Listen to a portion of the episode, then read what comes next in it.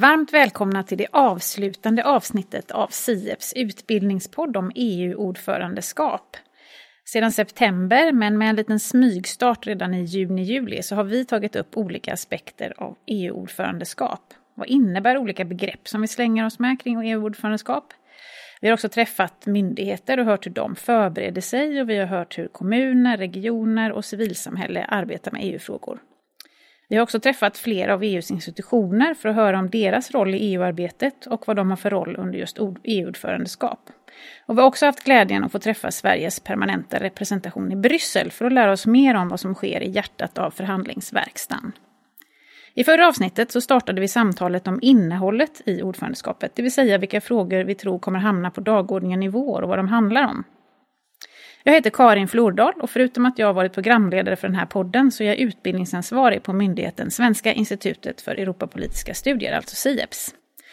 Och idag i, poddens sista avsnitt så har jag nöjet att hälsa Louise Bengtsson och Göran von Sydow varmt välkomna tillbaka till podden. Tack! Hej! Ni har ju var, båda varit med i varsitt av de första avsnitten. Ni är båda forskare i statsvetenskap och Göran, du är också direktör här på SIEPS. Hörrni, nu är det bara några veckor kvar till 1 januari och eh, då, det är då den, det svenska ordförandeskapet rullar ut. Och ni träffar ju i olika sammanhang representanter för regeringskansli och myndigheter. Verkar de redo tycker ni? Vad säger du Louise? Ja, man hör ju att de flesta har fått polsakar på plats i alla fall nu. Eh, kanske någon som saknades, men eh, Politiska det är ju bra. Ja, politiska ja. sakkunniga till ministrarna. Ja. Och eh, de, eh, de verkar förstå vad som väntar i alla fall. Stora mm. utmaningar. Mm, den nya regeringen är pepp. De är, jo, men många saker är på plats och nu vet vi dessutom vad ordförandeskapets arbetsprogram och de svenska prioriteringar med mera. Men sen är det klart att ordförandeskapet kommer ju i en kontext där det är väldigt stor osäkerhet också och stor oro. Så att eh, en del av det här handlar väl helt enkelt att rusta sig för det som vi inte riktigt vet vad som kommer hända efter årsskiftet. Vara förberedd för det oväntade helt enkelt. Lite så tror jag. Jag tänkte ju att vi i det här avslutande avsnittet ska summera hösten men framförallt också blicka framåt och titta lite på vilka de politiska förutsättningarna är både här i Sverige och också i, i resten av EU inför våren och vilka frågor som står på agendan och också kika lite på det nyligen presenterade arbetsprogrammet, det svenska arbetsprogrammet. Och också snacka lite grann om vad Sieps har i kikan för våren. Men om vi börjar med att eh, summera hösten. Louise, du koordinerar ju arbetet med ordförandeskapet här på Sieps och det pratade vi en del om i poddens första avsnitt. Hur har det gått med våra planer? Vad har vi gjort? Mm. Eh, jag tycker såklart att vi har gjort jättemycket och att det har gått jättebra. Ehm, det är ju eh, så att man, kan verkligen se att intresset för ordförandeskapet har liksom börjat trappas upp nu här under hösten i takt med att regeringen har kommit på banan och eh, sådär, och då har vi på Sieps försökt liksom lyfta fram vad den här rollen liksom faktiskt betyder. För det är ju lätt att det blir mycket liksom inrikespolitiska dimensioner och kanske fokus på regeringsprioriteringar. Men vi vill ju bidra med kunskap, kunskaper kring vad, vad rollen för det roterande ordförandeskapet betyder i praktiken och just att vara den här neutrala medlaren bland annat. Så att eh, bland de publikationer som vi har eh, publicerat så skulle jag vilja lyfta fram speciellt eh, två stycken då och en som vi valde att kalla för eh, knäckfrågor inför det eh, svenska ordförandeskapet. Då försökte vi lyfta fram ehm, 15 frågor, eh, ganska många som vi tror kommer bli eh, ja, utmaningar för regeringen eller som man kommer behöva hantera på olika sätt i sin roll som ordförande. Ehm, allt från ehm, olika frågor som aktualiserats i med ehm, kriget i Ukraina, men också ja, eh, rättsstatens principer och, och, annat som kan bli knivigt. Och sen har vi eh, också publicerat en analys på engelska som riktar sig lite mer mot en internationell målgrupp där, man, där vi också har försökt belysa lite eh, den svenska kontexten, också historiskt, eh, men då också mot bakgrund av den här eh, rollen som det roterande ordförandeskapet har. Eh, så den, den kan jag också tipsa om. Och vi har haft ett seminarium då för att lansera eh, framförallt den här knäckfrågepublikationen tillsammans med EU-kommissionen här i Stockholm. Eh, vi har eh, också fått en rad mm, liksom, eh, externa förfrågningar såklart, så att alla våra medarbetare deltar ju konstant i, i andra seminarier som talare och i olika paneler. Och sen så håller vi flera utbildningar i veckan, alla medarbetare i princip är involverade i det, att utbilda myndigheter och även departement inför eh, det som komma skall. Och det, tack, och det, här, det är lite kul med den här knäckrapporten tycker jag, för att jag har haft med mig den på flera olika tillfällen. Och, och den går alltid som smör i solsken nästan, vart än man än tar den. Och eh, det verkar vara ett bra grepp att ha lite kortare artiklar om många olika frågor i en och samma publikation. Ja, den verkar ju ligga i topp bland våra mest nedladdade publikationer. Mm. Mm. Kul! Om vi hoppar över till eh, det här med eh, inrikespolitiska förutsättningar då, Göran. När vi såg senast så pratade vi lite grann, det var ju innan vi hade haft riksdagsval i Sverige, men nu, nu har vi haft det och eh, vi har en ny regering på plats och, och som vanligt brukar det vara ungefär 30 procent nya ledamöter i riksdagen och så är det även den här gången. Vad betyder det för, för vår, inför våren? Att vi har Ja, man säger, det, det, finns väl både och. Det är ju förnyelse och det gäller ju inte minst då för regeringen också. Att en regering som nu har tillträtt sedan två månader har ju fått lite av en rivstart.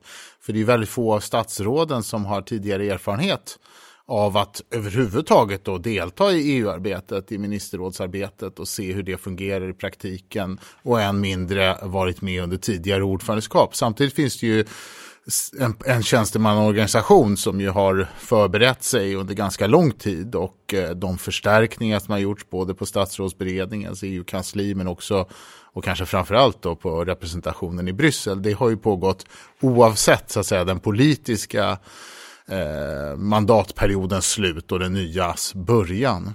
Men det är klart man kan ju fundera lite på de inrikespolitiska förutsättningarna i meningen av att en ny regering måste också förhålla sig till det parlamentariska läget i Sverige och har ju bildats på ett sätt som vi inte har sett den här konstellationen förut. Och tittar man tillbaks på de tidigare ordförandeskapen så har det funnits olika grad av vad man kan kalla då någon borgfred. Att det vill säga regering och opposition försöker lägga lite band på konflikter i syfte att låta då regeringen göra, genomföra ett så eh, välorganiserat eh, ordförandeskap som möjligt.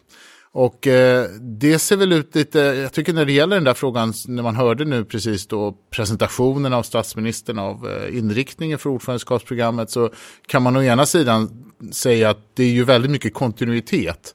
Eh, om man jämför med hur den förra regeringen la fram de breda linjerna för ordförandeskapet så är det ju väldigt likartade områden. Så där finns det ju en, en så att säga, grund för ett slags samförstånd om vad Sverige tycker och tänker i EU-frågor. Men samtidigt så är det ju en parlamentarisk situation så som den är.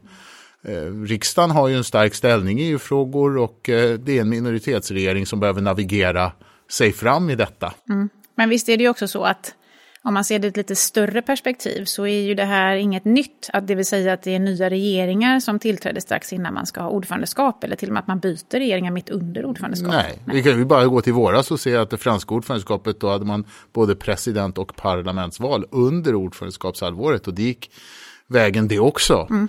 Eh, så att det finns eh, erfarenhet av det tidigare. Och, man ska ju komma ihåg det att ett kärnuppdrag i den här rollen det är ju just att leda förhandlingarna. Och vi talar ju ofta om ett slags Brysselbaserat ordförandeskap där ganska mycket av det här arbetet sker på en nivå som inte kanske riktigt återspeglas i det här inrikespolitiska ändå, utan det kan leva delvis ett annat liv faktiskt. Mm. Om vi fortsätter att titta lite bredare så här på hela EU. Vad, vad är liksom förutsättningarna där nu? I stort, vad är de stora frågorna? Alltså det största är väl ändå den europeiska responsen på den ryska invasionen i Ukraina och dess konsekvenser. Och de där konsekvenserna de synliggörs ju hela tiden allt mer. Det handlar ju både om energifrågan eller inflationen och de ekonomiska utsikterna så som de ser ut. Och eh, tittar man på agerandet lite kortfattat som EU har stått för så är det väl de allra flesta bedömares uppfattning att det har varit präglat av stor enighet och beslutsamhet inom EU. Att man har gjort saker och ting som vi kanske inte riktigt föreställde oss innan det här kriget bröt ut. Men att därunder finns det naturligtvis alltid stora farhågor för att det här kan också splittra unionen internt, att det kan bli svårare framöver att upprätthålla den här sammanhållningen i takt med att vi också prövas väldigt mycket av konsekvenserna. Så det skulle jag nog säga är den övergripande bilden och den stora utmaningen för det svenska ordförandeskapet är väl just detta att klara av att hålla samman unionen även om man måste fatta väldigt långtgående och svåra beslut. Mm. Om vi fortsätter att prata lite om prioriteringarna som regeringen nyligen har presenterat eh, Eh, så kan man ju titta på det också som att regeringen har sina fyra prioriteringar men stämmer de överens med det som förväntas av det svenska ordförandeskapet? Vad säger du Louise? Ja, nej men det blir ju mycket liksom, eh, fokus på prioriteringarna eh, såklart och de, de sammanfaller ju delvis med de utmaningar som EU eh, står inför. Och det, jag tror att det är väldigt höga förväntningar på Sverige just eftersom vi har det här svåra läget med, med Ukraina-krisen men också implikationerna liksom för det ekonomiska läget. Och ja, man kunde väl se en, kanske en liten omformulering av det här med konkurrenskraftsagendan eh, eh, i och med att man har lagt till resiliens där då som en av eh, en av fyra prioriteringar, men kopplat till konkurrenskraft. Så det kanske har att göra då med att eh, unionen är under hård press, inte minst på grund av USAs eh, ökade protektionism och eh, ja, an, andra, andra problem, efter, stor efterfrågan på stöd kanske från, från europeiska företag på grund av energikrisen och, och så vidare. Så det, ja, det, kom, det kommer bli en intressant nöt för Sverige att mm. knäcka. Finns det några överraskningar, mm. Göran, i, i programmet? Alltså man ska ju komma ihåg det att väldigt mycket av det som är program och agenda det är ju ganska givet. Alltså det vill säga att det är de pågående processer som EU arbetar med. Mm. Och vad som kommer prägla det här ordförandeskapet, precis som andra, det är ju också var någonstans i den så att säga, europeiska mandatperioden det faller. Mm. Och nu börjar vi närma oss slutet på kommissionens mandat, så då betyder det ju att det är väldigt mycket lagstiftningsprocesser som ska liksom föras i hamn. Och de är ju redan på rull. Man pratar ju om eh, runda, runda svängar 350 då, lagstiftningsprocesser som är i olika skeden. Och det där avgör ju extremt mycket. Det är en väldigt ärvd agenda på det sättet. Och hur man sen då rubriksätter eller sammanfogar olika frågeställningar, ja det kan ju ge en slags kommunikativ inramning till ett ordförandeskap. Men frågorna i sig kommer man nog behöva hantera vare sig man vill eller inte. Och tittar man på det så tycker jag, jag menar, det är klart att det, det, förutom det som är då pågående processer och sånt som redan är på rull så handlar det ju nog väldigt mycket inom det här eh, frågorna om hur, hur vi nu reagerar på kriget i Ukraina och dess konsekvenser. Det är ju lite mer krishanterande och att liksom hantera de här lite svåra nya frågorna som dyker upp. Och det måste varje ordförandeskap göra, men just den här kontexten som Sverige kommer in i, den är väldigt eh, bekymmersam.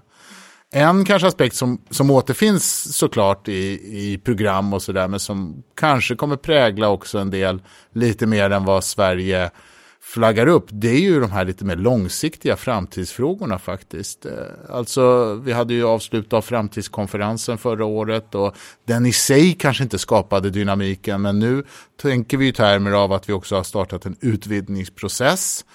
Och det finns behov av fördjupning och se över beslutsformer och så vidare. Så att jag tror att det här kanske har kommit in som en delvis lite oväntad agenda men som har en långsiktig konsekvens också där där Sverige kommer spela en roll. Mm. Det blir spännande att följa under våren men även framöver.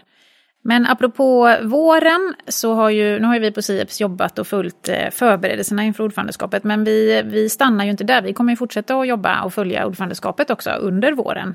Louise, vad, vad har vi planerat? Vad ska vi göra? Ja, nej, det kommer hända jättemycket spännande. Eh, vi kommer eh, bland annat eh, faktiskt ordna några seminarier eh, i vår tillsammans med tankesmedjor i Bryssel. Så då kommer vi eh, ha lite nedslag både liksom i början av ordförandeskapet och sen ehm, kanske mitt under och, och, mot slutet. Och det första seminariet som, som, eh, som vi kommer börja med det kommer handla om eh, Ukraina och dess följdverkningar, krisen. olika ehm, perspektiv där. och sen så har vi också Eh, en rad andra samarbeten här eh, på hemmaplan i Stockholm också, bland annat med Stockholm Environment Institute som har en stor miljökonferens eh, i, i mars. Och även med, med SNES som är Svenska nätverket för Europastudier, en stor akademisk konferens här i Stockholm där vi kommer ha en offentlig del där vi också tittar på ordförandeskapet i halvtid. Och så kommer vi såklart också följa vad som händer. Mm. och vi, vi eh, kommer ju följa upp en, ett antal av kanske de här knäckfrågorna som vi har eh, publicerat nu då i höst och, och se hur, hur, hur går det.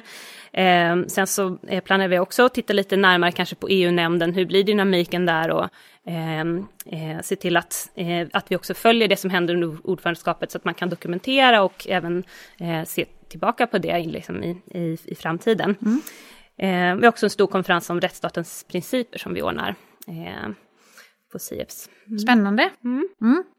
Och apropå att eh, följa arbetet och Sieps arbete under ordförandeskapet så har ju ett, ett sätt också varit att följa den här utbildningspodden. Men som jag var inne på tidigare så är ju det här sista avsnittet av just det här, eh, det här spåret. Eh, men man kan ju eh, hänga med och lyssna på vår andra podd, Sieps-podden. Och där händer det lite grejer, Göran. Ja, precis. Och vi har faktiskt ett nytt avsnitt där vi träffar EU-ministern och eh, pratar med henne, Jessica Rosvall.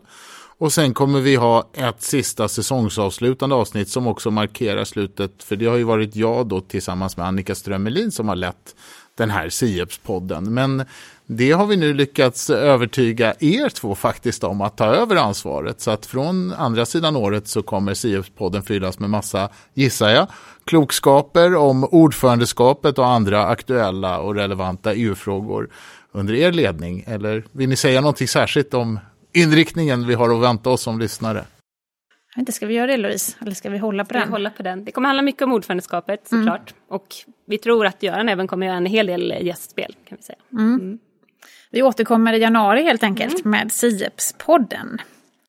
Eh, och jag tänkte också innan vi avslutar att jag skulle tipsa om, det brukar jag ju nästan alltid göra, att vill man eh, om någon hemsida, och nu är det ju faktiskt så att i samband med att man släppte svenska arbetsprogrammet så släppte man ju också en ordförandeskapshemsida och den hittar man på www.sweden2023.eu. Surfa in på den, den är faktiskt väldigt tydlig och lättorienterad. Varmt tack till dig Louise, eh, varmt tack till dig Göran för att ni var med här idag. Varmt tack också till alla er som har lyssnat på ett eller på flera av avsnitten av den här utbildningspodden om EU-ordförandeskap. Det har varit väldigt roligt att göra den. Jag hoppas såklart att ni alla hänger med till Sieps-podden på andra sidan årsskiftet och fortsätter följa ordförandeskapet med oss. God jul och gott nytt år!